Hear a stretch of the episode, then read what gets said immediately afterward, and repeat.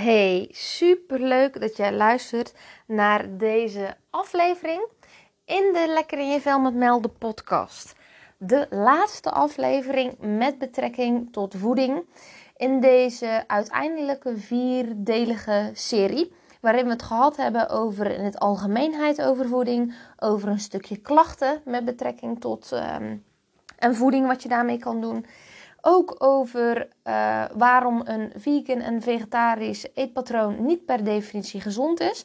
En de laatste van deze vierdelige serie, de zes fouten die ik heb gemaakt op het gebied van voeding, waar jij van kan leren. en in het algemeen wil ik heel even zeggen dat fouten uh, eigenlijk geen fouten zijn. Fouten niet iets is dat je faalt, zolang je er maar van leert. En als je dus ervan leert en je durft te veranderen, je durft daarin te bekijken hoe het wel voor je werkt, zullen al die fouten hooguit een ervaring zijn, hooguit een leermoment zijn waarin je weet hoe het niet voor jou werkt en je vanuit daar kan gaan focussen op hoe het wel voor jou werkt. En dat geldt natuurlijk ook gewoon voor voeding. Als we het hebben over een optimale uh, gezondheid, waarin voeding ook een belangrijk onderdeel is, geldt dit precies hetzelfde. Zolang je ervan leert, heb je een mooie ervaring gehad en is het geen fout en ga je op zoek naar hoe het wel werkt voor jou. Oké, dat gezegd hebbende, in zijn algemeenheid heb ik eigenlijk altijd al interesse gehad in voeding. Wellicht ook omdat mijn moeder ook altijd interesse had in voeding en ook altijd daarmee bezig was. Ik vond het ook heel leuk om te koken, ook te experimenteren met koken.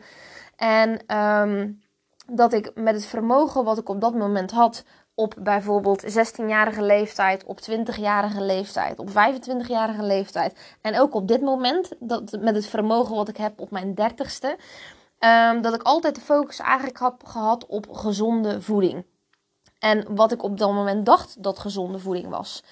En in zijn algemeenheid, ik hou van eten. Ik ben een echte lekkere bek. Ik lust ook eigenlijk alles. Er zijn een paar dingen die ik gewoon per definitie eh, niet wil eten, zoals orgaanvlees. Maar ik lust dus eigenlijk alles. Er is eigenlijk praktisch niets wat ik niet lust. um, en uh, ja, ik, vind dus, ik kan dus ook echt van alles genieten. En laten we vanuit dit stukje gaan eigenlijk naar de zes fouten die, of leermomenten in dit geval, hè, die ik heb gemaakt. Uh, waar jij dus ook van kan leren of waar je wellicht in kan herkennen. Waarbij je denkt van, oh, oh ja, zo denk ik ook. Of oh, dat heb ik ook gehad. Of dat je daar in die fase zit en denkt van, ik zou dat wellicht ook anders aan kunnen gaan pakken. En in eerste instantie, en dat is denk ik de ja, allergrootste uh, fout die ik heb gemaakt op het gebied van voeding. En ik denk dat heel veel uh, menig vrouw dat met mij mee heeft, uh, denkt. Dat het dus uh, dat de wens voor het gezond eten eigenlijk voortkomt uit een wens dat je graag af wilt vallen. En dat je door af te vallen de overtuiging voor jezelf creëert. Dat als je dus een paar kilo bent afgevallen, uh, dat je dan wel, zal, wel blij zal zijn met je lijf. En dat datgene wat jij ziet aan jouw lijf uh, in de spiegel of op foto's of in de kleding die je draagt, dat jij er dan van overtuigd bent dat als je dan afvalt, um, dat je dan goed genoeg bent, dat je dan leuker bent. En dat je het dus veel complexer kan gaan maken door die wens om af te vallen. En ik denk in zijn algemeenheid dat als we het hebben over de stijl die nu ook naar boven komt hè, met body positivity, dat dat in de ruimste zin van het woord wel een, een, een goede richting is. Alleen dat je natuurlijk wel een verschil hebt in body positivity uh, versus wat is nu echt gezond. En dat uh, zeer zeker een maatje 34 uh, bij modellen die daar hard voor moeten werken, een hele systeem naar de tering daardoor helpen dat dat echt niet gezond is. Maar uh, iemand die maat 46 heeft, um, dat dat ook geen optimale gezondheid is. Even in de ruimste zin van het woord met de context die ik heb. Hè. Daar zijn altijd uitzonderingen in. Uh, maar wat dus belangrijk is, dat als we het hebben over gezond zijn um, en er gezond uitzien, dat een bepaald type beeld um, van bijvoorbeeld een maat of bijvoorbeeld een bepaald type uiterlijk daar niet per definitie aan bijdraagt. En ja, dat was wel zeker een van de ja, belangrijkste fouten die ik eigenlijk gemaakt heb op voedingsgebied, die eigenlijk gewoon voortkwamen uit de wens van hé, hey, ik wil wat afvallen, want dan denk ik goed genoeg te zijn. Uh, terwijl afvallen niet hetgene is wat je dat goed genoeg gevoel gaat geven, maar dat je dan eerder mag gaan werken aan je emotionele en mentale staat, aan de relatie met jezelf, om dat beeld te gaan veranderen in plaats van dat voeding dat ooit voor je zal doen. En doordat ik daarmee aan de slag ben gegaan, merk ik dat ik vanuit daar ehm, die wens daar ehm, niet meer is omdat ik een veel stabielere mentale en emotionele staat heb. En dat de relatie met mezelf verbeterd is. Uh, waardoor de relatie met voeding eigenlijk daarin ook direct verandert. In zijn algemeenheid, ik heb daarin geen uh, eetstoornis gehad of een bewegingsstoornis, et cetera. Maar ik denk dat heel veel vrouwen zich hierin herkennen. Uh, in datgene wat ik eigenlijk ook ervaren heb. Dat was dus eigenlijk de eerste en denk ik de meest belangrijkste fout waar veel ehm, vrouwen toch mee struggelen. Ook met een bepaald ideaalbeeld en met een bepaalde ja, stem die in je zit, waardoor voeding dan opeens de focus gaat krijgen. En dat voeding een focus mag hebben, uh, maar wel in een bepaalde balans en niet, uh, niet vol focus. De tweede fout op het gebied van voeding is dat ik eigenlijk ben gaan veranderen in kwantiteit van voeding. En dat het dus in eerste instantie was uh, dat ik zes keer per dag ben gaan eten op vaste tijdstippen. Altijd een ontbijt om half acht, altijd een tussendoortje om kwart over tien, altijd uh, de lunch om half één, altijd weer dat tussendoortje rond half vier en dan rond zes uur eten. En dan om acht uur het laatste tussendoortje. En dat ik ben gaan merken door dus in de kwantiteit, dus in de hoeveelheid keren van eten, door vaste tijdstippen, dat ik daardoor eigenlijk alleen maar continu bezig was met eten. En door die focus te leggen op continu bezig te zijn met eten, dat dat voor mij ook totaal niet werkte. Omdat ik eigenlijk niet aan het luisteren was naar mijn behoeftes. Dat ik niet aan het luisteren was naar wat mijn lijf mij nu eigenlijk vertelde. En van, hey, heb ik nu daadwerkelijk trek? Ja of nee? En ik denk dat als je dus uh, zo'n schema aanhoudt van structuur. En laten we vooropstellen, het ligt er natuurlijk heel erg aan wat de relatie is met uh, jezelf en de relatie is met eten. Uh, dat is echt wel even een disclaimer. Maar voor mij merkte ik dus door me te focussen op continu vaste tijdstippen, dat ik eigenlijk continu bezig was met eten. Van oh, over een paar uur moet ik weer eten. Oh, dan mag ik dit weer en dat weer. En dat ik dus eigenlijk was gestopt met het luisteren naar mijn lijf, naar mijn behoeftes. Um, en dat ik dat eigenlijk volledig aan het overroelen was. En dat ik vanuit het ene contrast, dus het uh, van kwantiteit van op vaste tijdstippen zes keer eten per dag, eigenlijk ook doorgeschoten ben naar de andere kant. En dus in plaats van van zes keer eten per dag, hè, want de motor moet draaien, dat is wat je verteld wordt. Um, aan de andere kant helemaal door ben gegaan, doorgeschoten ben naar intermittent fasting. Dus vanuit daar het reduceren van maaltijden. Dus in plaats van, van zes maaltijden of acht maaltijden, gaan naar twee maaltijden per dag. Daar heb ik zelfs een aparte uh, podcast over gemaakt. Waarom intermittent fasting voor vrouwen um, niet voor je kan werken.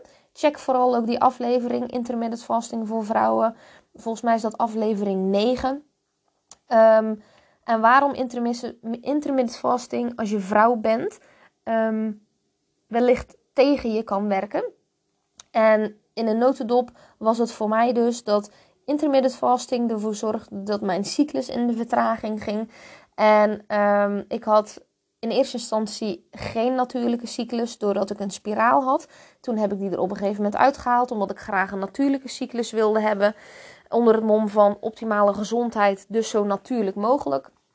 En vanuit daar dus er eigenlijk achter kwam dat um, toen ik een keer een experiment aan was gegaan van ik ga toch ontbijten, mijn cyclus eigenlijk veranderen van 31 dagen naar 28 dagen. Ehm, en dat ik dus merkte dat intermittent fasting voor mij dus niet werkte, omdat het dus een disbalans bracht in mijn um, hormonale systeem. En dat dus de verandering van kwantiteit, van ja, in eerste instantie 6 tot 8 keer eten per dag, vanuit daar uh, terug naar 2 keer per dag, ook voor mij een niet werkende strategie was met betrekking tot voeding. En dat ik nu dus op uh, een ontbijt, lunch en avondeten zit drie maaltijden per dag. Um, luisterend naar de behoeften van mijn lijf. En op het moment dat ik geen trek heb, dat ik dan ook durf een maaltijd te minderen. En op het moment dat ik meer trek heb, bijvoorbeeld in de tweede fase van mijn cyclus, dat ik dan ook durf om een vierde maaltijd daarbij te behalen. Uh, en dat ik dus eigenlijk wat intuïtiever ben gaan eten met betrekking tot kwantiteit. Uh, door dus beter te luisteren naar mijn behoeftes. Wat mijn lijf mij nu eigenlijk aangeeft. En um, dat dat echt een proces is van vallen en opstaan. Zoals je dus in mijn verhaal ook hoort. Van veel eten naar heel weinig. Om vanuit daar die balans te creëren in wat dan werkt voor mij. En dat dus met de natuurlijke cyclus die ik heb, ik de eerste twee weken heel goed kan functioneren op drie maaltijden. En de andere twee weken eigenlijk beter functioneren op vier maaltijden. Doordat mijn hormonale balans net wat anders is dan. En ik dan beter functioneer op die vierde maaltijd. En dat het in de basis eigenlijk ook heel simpel is. Het is eigenlijk eten naar de behoeften die je hebt en eten totdat je vol zit. En zo simpel is het eigenlijk. Ik denk in zijn algemeenheid dat we voeding ook wat complexer zijn gaan maken dan wat het in de werkelijkheid is. En dat dit dus zo'n um, ja, onderdeel is dat je gewoon eet totdat je vol zit. En dat dus de ene dag dat, minder, dat je minder eet dan de andere dag. En dat het dus ook te maken heeft met de kwaliteit van je emoties, de kwaliteit van je mentale staat, de kwaliteit van je spijsvertering. Um, en dat dat allemaal van invloed is op het eten en ook uh, op de voeding die je tot je neemt. Uh, en dat het dus veel groter is dan dat. Maar daar kom ik later nog, uh, later nog op terug. De derde fout die ik daarin gemaakt heb, is dus de verandering van kwaliteit. We hebben het net gehad over kwantiteit, dus de hoeveelheid eetmomenten. En ik ben dus ook de verandering van kwaliteit. Uh, dat is het derde puntje. En uh, ik was eigenlijk nooit zo van de calorieën tellen. Ik heb eigenlijk ook nooit calorieën geteld. Als we het hebben over um, kwaliteit van uh, energieinkomsten en energieuitgaven. Ik merkte ook direct aan mezelf dat als ik daarmee aan het spelen was, dat voor mij dat juist helemaal niet werkte. Dus ik heb eigenlijk nooit de focus gelegd op calorieën. Um, maar wat ik dus bedoel met de verandering van kwaliteit, is dat ik dus bijvoorbeeld, um, om daar wat context aan te geven, um, van suikers door geen suikers meer te nemen, bijvoorbeeld ben gegaan naar tussen aanhalingstekens gezonde suikers. Dus bijvoorbeeld in plaats van witte kristalsuiker gebruiken, uh, dat je kiest voor uh, bruine biologische rietsuiker. Of dat je kiest voor stevia of voor een ander zoetmiddel. Uh, at the end is en blijft het suiker. Of het nu witte suiker is, kristalsuiker is die in een fabriek geproduceerd is. Of het is bruine biologische rietsuiker die van natuurlijke oorsprong is. Maar uiteindelijk door de fabriek ook nog is veranderd door, in, uh, uh, in uh, korreltjes. Het is en blijft suiker. Dit geldt natuurlijk ook voor siropen of voor frisdranken, waarin ze zeggen 0% suiker, maar het proeft wel zoet. Dat betekent dat er dus nog steeds suiker in zit. Um, en dat um, je dus jezelf niet ja, het goed moet praten. Of dat als ze natuurlijk vanuit de marketing, dat, dat zeg ik ook in de, in de aflevering 1 van deze serie. Um, dat ze dus ook in de marketing daar heel erg op inspelen. Dat op het moment dat het op de verpakking staat, dat je dan ook overtuigd bent van: oh, maar dit is wel gezond, want hier zit geen suiker in. Maar als daar geen suiker in zit, hoe kan het dan alsnog zoet smaken? Dus ik zou er dan voor kiezen de tip die ik je hier nu op geef. Heb je zin in zoet? Um, eet dan gewoon fruit. Eet dan gewoon fruit en wees er niet bang voor, want in fruit zit naast suiker ook nog vezels, ook nog vitamine, mineralen en water. Um, dus doordat je het in zijn geheel opeet, kan je lijf daar alles mee. En zal je dus ook een minder grote bloedsuikerspiegel piek hebben. Uh, ten opzichte van als je suiker eet in de vorm van een koekje. Waar dus geen vitamines en mineralen en vezels in zitten, et cetera. Dus op het moment dat je zin hebt in zoet, uh, een lage energie hebt, eet gewoon fruit en wees niet bang ervoor. Uh, want daar hoef je dus niet bang voor te zijn. Um, ja, over de suikers met betrekking tot kwaliteit. Andere dingetje over kwaliteit is dat ik op een gegeven moment onder het mom van optimale gezondheid, dus eigenlijk volledig in de pure onbewerkte producten wilde zitten. Dus in groenten, in fruit, uh, ook avocado, uh, hummus bijvoorbeeld. Uh, en dat je dus wilt kijken van, hé, hey, ik wil dus een lifestyle met zo pure onbewerkte producten en zoveel mogelijk. Um, maar dat je dus, of die zo min mogelijk bewerkt zijn. Maar dat je daardoor wel heel hoog in calorieën kan komen te zitten. En dat je dus met het oog op optimale gezondheid en ergens toch ook stiekem op een beetje willen afvallen, je nog steeds aan kan komen. Um, omdat bijvoorbeeld een paar voorbeeldjes van puur onbewerkte producten die goed zijn voor je optimale gezondheid, maar ook hoog in calorieën zitten, bijvoorbeeld ongebrande, ongezouten noten zijn hartstikke gezond om af en toe eens wat een handje noten te nemen. Uh, maar de nadruk op af en toe en een handje. Omdat noten nu eenmaal veel vetten bevatten en er is niets mis met vet. Alleen wel in een bepaalde mate. Alles in variatie, alles in bepaalde mate, alles in een balans. En op het moment dat je daar dus veel van eet of dagelijks een handje van eet, het is en blijft een product die hoog in calorieën zit. Dus dan kan het wel een optimaal gezond product zijn. Maar als je er daar dus veel van neemt, dan zal je alsnog aan kunnen komen. Net zoals dat dat met avocado's is. Supergoed product. Um, hartstikke goed voor je. Past bij een optimaal gezond eetpatroon. Maar ook daarin, het is hoog in calorieën, het is hoog in vetten. En daarin kan je dus ook gewoon aankomen. Net zoals de minst bewerkte mayonaise bijvoorbeeld, waar geen suiker in zit. Die kan bijvoorbeeld wel de mayonaise zijn die het hoogste zit in calorieën. Dus alleen de focus gezet hebben op kwaliteit, dus pure onbewerkte producten of bewerkte producten die het minst bewerkt zijn, die kunnen nog steeds in hoge calorieën zitten, waardoor je dus gewoon nog steeds aan kan komen uh, als je je focus legt op een optimaal gezond eetpatroon en daarin ook willen afvallen. Wat mij gelijk eigenlijk brengt naar het vierde foutje. Um, die, je, die eigenlijk ook wel matcht bij, um, bij dit stukje. Maar dan hebben we het dus over de keto lifestyle. Keto lifestyle. Tijdje geprobeerd. Uh, wat is keto? Keto is dus eigenlijk dat je je focus legt op heel veel vetten, heel laag in koolhydraten. Dus eigenlijk een koolhydraatarm dieet, waarin je dus veel focus legt op vetten, om zo in een ketose terecht te komen.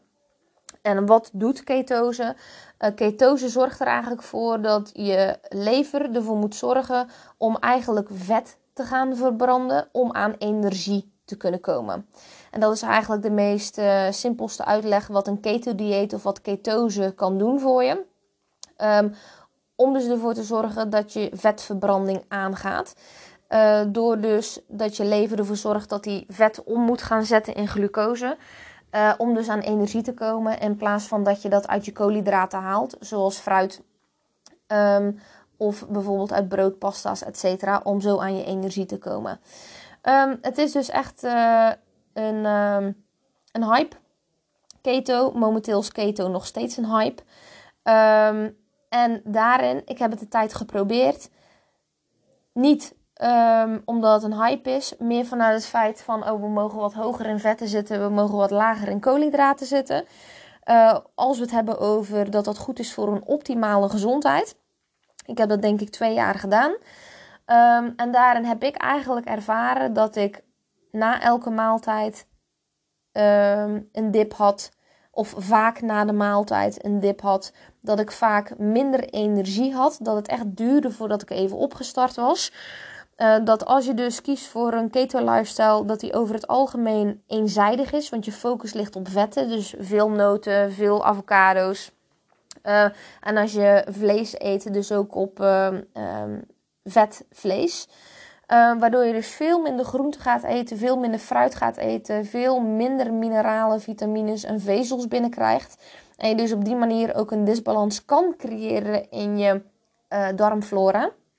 Um, en ook als we het hebben over het in ketose gaan, is dat, dat is eigenlijk een strategie van je lichaam als een overlevingsstand op het moment dat er sprake is van weinig eten, dat hij dus je vet gaat verbranden om vanuit daar energie te krijgen.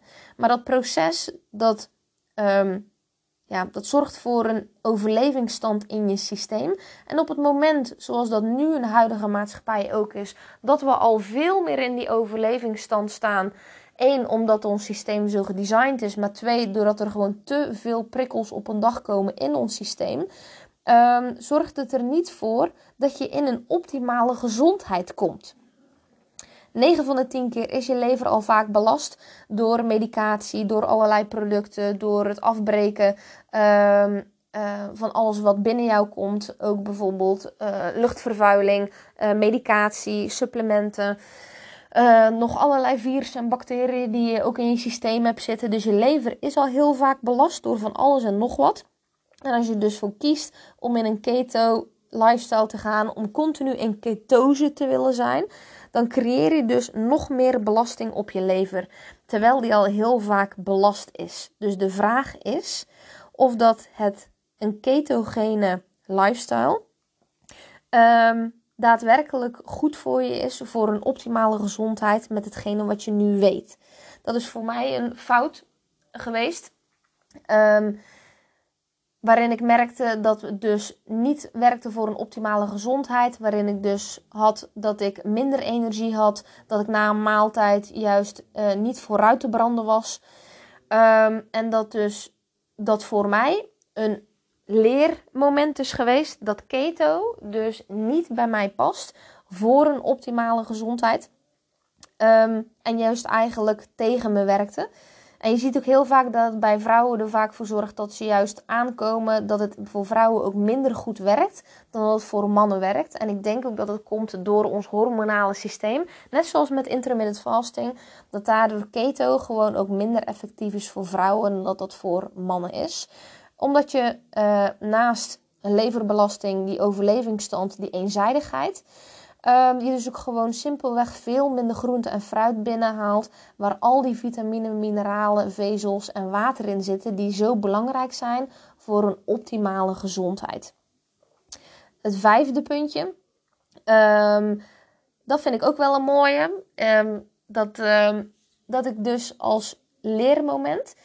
Dat was zeker in het begin van mijn dat ik daarmee bezig was, ook een stukje studententijd, het begin van mijn werkende leven, is dat dus het contrast tussen week en weekend eigenlijk zo groot was, waarin ik door de week er heel erg op lette en in de weekend niet. Dat het contrast zo groot was, waardoor je alsnog uh, geen optimale gezondheid hebt, alsnog niet afvalt, omdat het contrast in wat je tot je neemt gewoon uh, zo extreem is um, en je alsnog niet je gewenste effect behaalt. En de laatste um, fout, en die had ik in het begin al een klein beetje toege, um, ja, verteld daarover, is dat je de meest gemaakte fout is een te grote focus op voeding te grote focus op voeding, dat dat hetgene moet zijn voor een optimale gezondheid, dat dat hetgene moet zijn om ervoor te zorgen dat je afvalt, of dat je aankomt, of dat je presteert. En dat voeding zeker wel heel belangrijk is, alleen door een te grote focus op voeding, dat je eigenlijk in je mindset, in je mentale, emotionele toestand, eigenlijk een alles of niets mindset krijgt. En daardoor die innerlijke criticus heel sterk tegen je gaat praten. Dat op het moment dat je een keer een zwak momentje hebt gehad, dat je daardoor gelijk alles overboord gooit. Want hè, alles of niets. Um, en dat dus ook de druk uh, op, je, uh, op je relatie met eten echt sterk uitvergroot wordt. Dat je daardoor in slecht eten gaat denken en in goed eten gaat denken.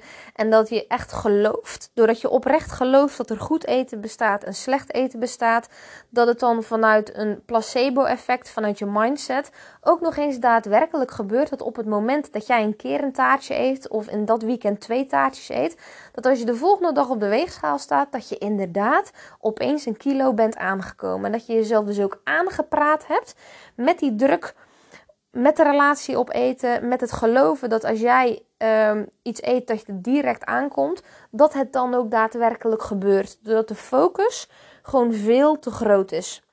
En dat je de focus uh, niet alleen op voeding mag gaan leggen voor een optimale gezondheid. En ook voor het afvallen of voor het aankomen of voor het presteren. Dat je de focus naast voeding ook mag leggen op bewegen. Ook mag leggen op diepe ontspanning. En ook op je mentale en emotionele staat. En dat dat complete plaatje eigenlijk zorgt voor een optimale gezondheid. Dat dat complete plaatje zorgt voor het te kunnen afvallen, voor te kunnen presteren. En dat um, we veel te weinig bewegen, dat we veel te weinig ontspannen en dat we niet bezig zijn met onze mentale en emotionele staat en hoe belangrijk die is op onze keuze in voedingsland, op de keuzes die we maken, willen we wel of niet eten, door bijvoorbeeld emotie te eten, dat we niet willen voelen, uh, dat we niet die emotie willen voelen bijvoorbeeld. Um, en dat dat allemaal bij elkaar, het complete plaatje, zoveel belangrijker is dan voeding alleen. Als we het hebben over een optimale gezondheid, als we het hebben over afvallen, als we het hebben over presteren. Dat dat complete plaatje dus het allerbelangrijkste is. En dat is de balans in alle groepen. En dan hebben we het over koolhydraatgroep, vetgroep, eiwittengroep. Dat de balans daarin met de focus op onbewerkt eten van groente en fruit en met name variatie in je eetpatroon eigenlijk belangrijk is om te zorgen voor een optimale gezondheid, om te kunnen zorgen, sorry, dat je kan afvallen, om te zorgen dat je kan presteren.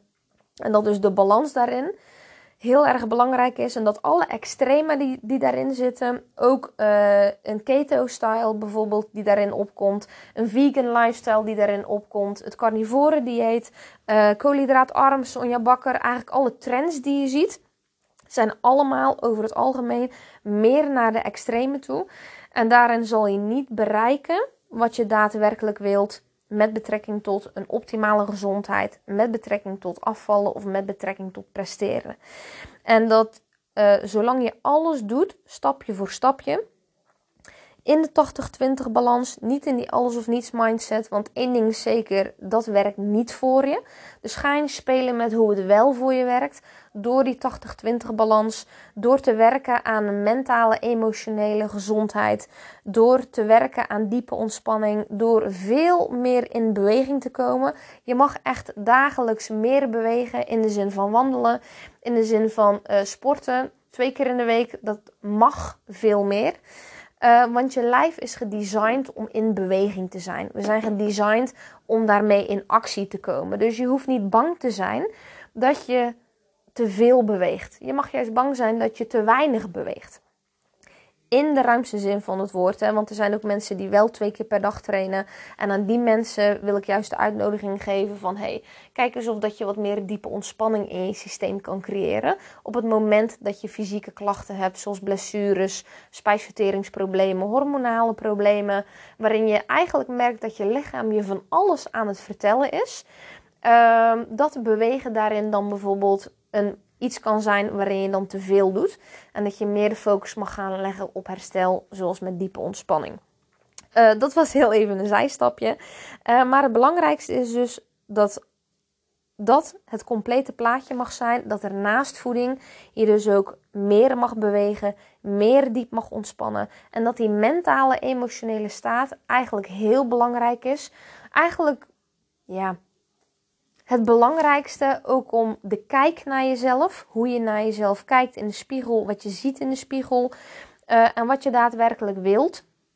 Um, dat dat gewoon heel erg van belang is. En dat eigenlijk deze zes leermomenten die ik in de loop van de jaren tussen mijn, ja, zeg gros, grosso modo tussen mijn 18e en mijn 30ste uh, doorvallen en opstaan allemaal heb mogen ervaren.